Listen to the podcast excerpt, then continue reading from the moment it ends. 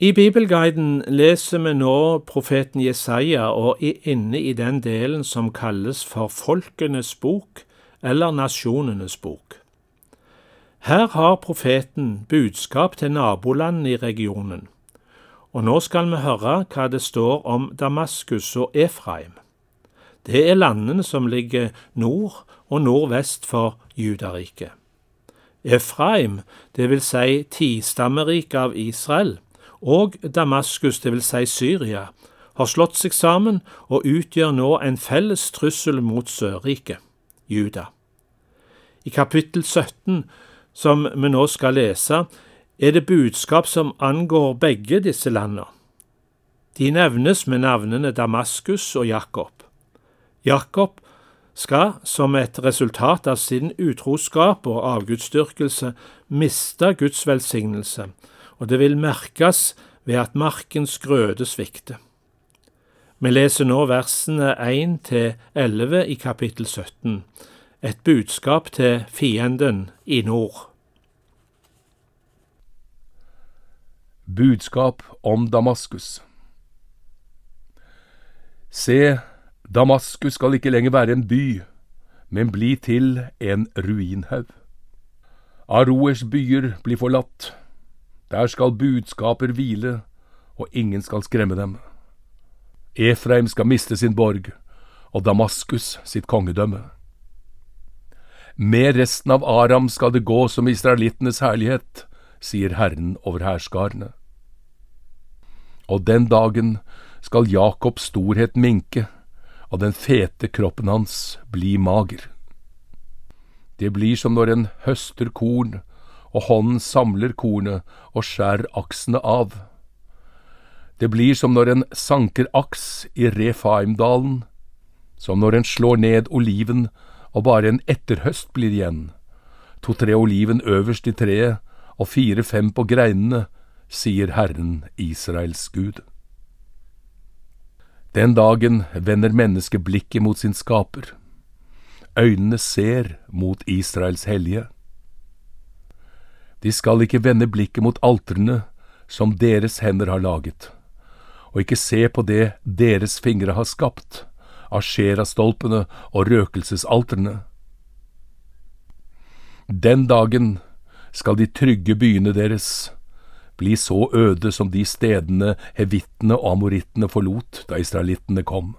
Alt skal bli til ødemark.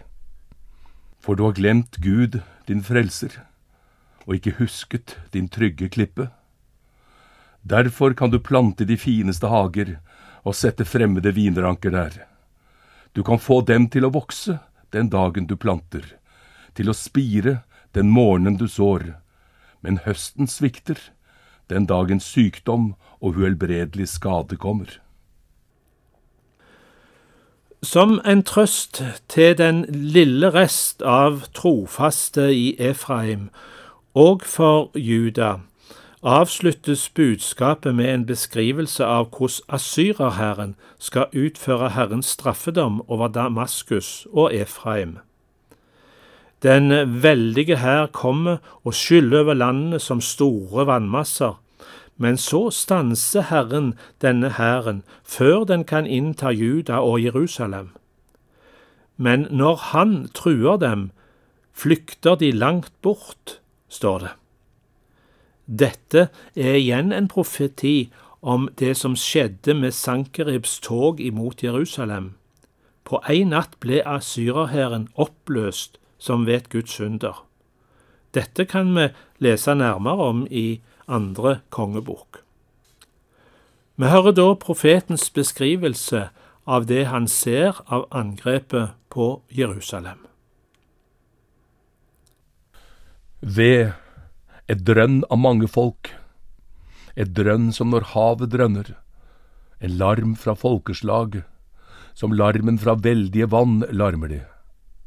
Folkeslagene larmer som veldige vann, men når han truer dem, flykter de langt bort.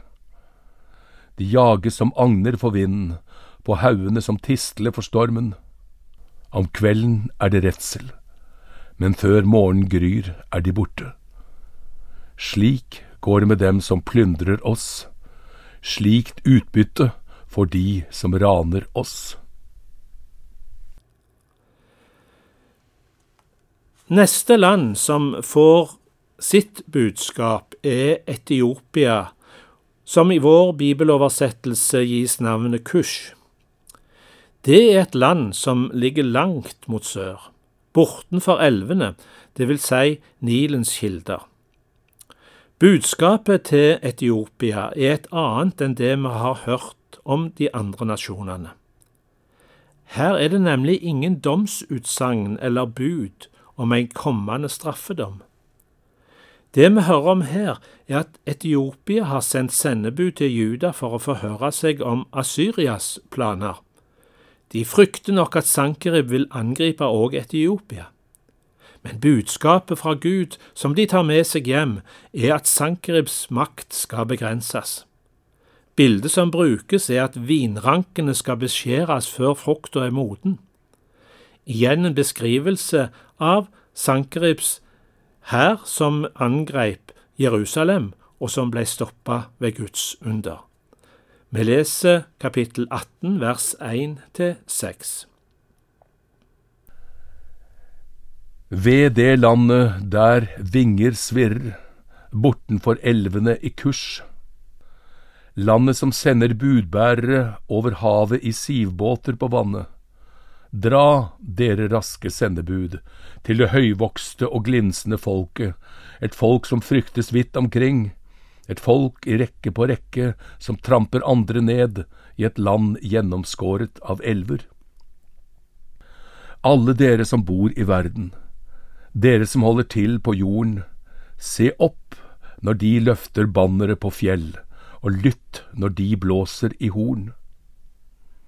For så sier Herren til meg, fra min bolig vil jeg se på og holde meg i ro, lik heten som dirrer i lyset, lik tåkedis i heten om høsten. For før høsten, når blomstringen er slutt, og blomstene blir til kart, skjærer han skuddene av med kniv, fjerner vinranker, kaster dem fra seg. Alt skal bli overlatt til rovfugl i fjellet og villdyr på marken. Rovfugl er over dem om sommeren, alle villdyr om vinteren. Vi avslutter dagens lesing med vers 7 i Jesaja kapittel 18. Som takk for Guds inngripen da han stansa Sankeribs framrykning ved Jerusalem, sender Etiopia gaver til Sionfjellet. Det står at de sender gaver til stedet der navnet til Herren over herskarene bor. På den tid skal de komme med gaver til Herren over herskarene fra det høyvokste og glinsende folket, et folk som fryktes vidt omkring, et folk i rekke på rekke som tramper andre ned i et land gjennomskåret av elver, til stedet der navnet til Herren over herskarene bor, til Sionfjellet. I neste avsnitt i Bibelguiden skal vi høre Jesaja sitt budskap til Egypt. Velkommen tilbake.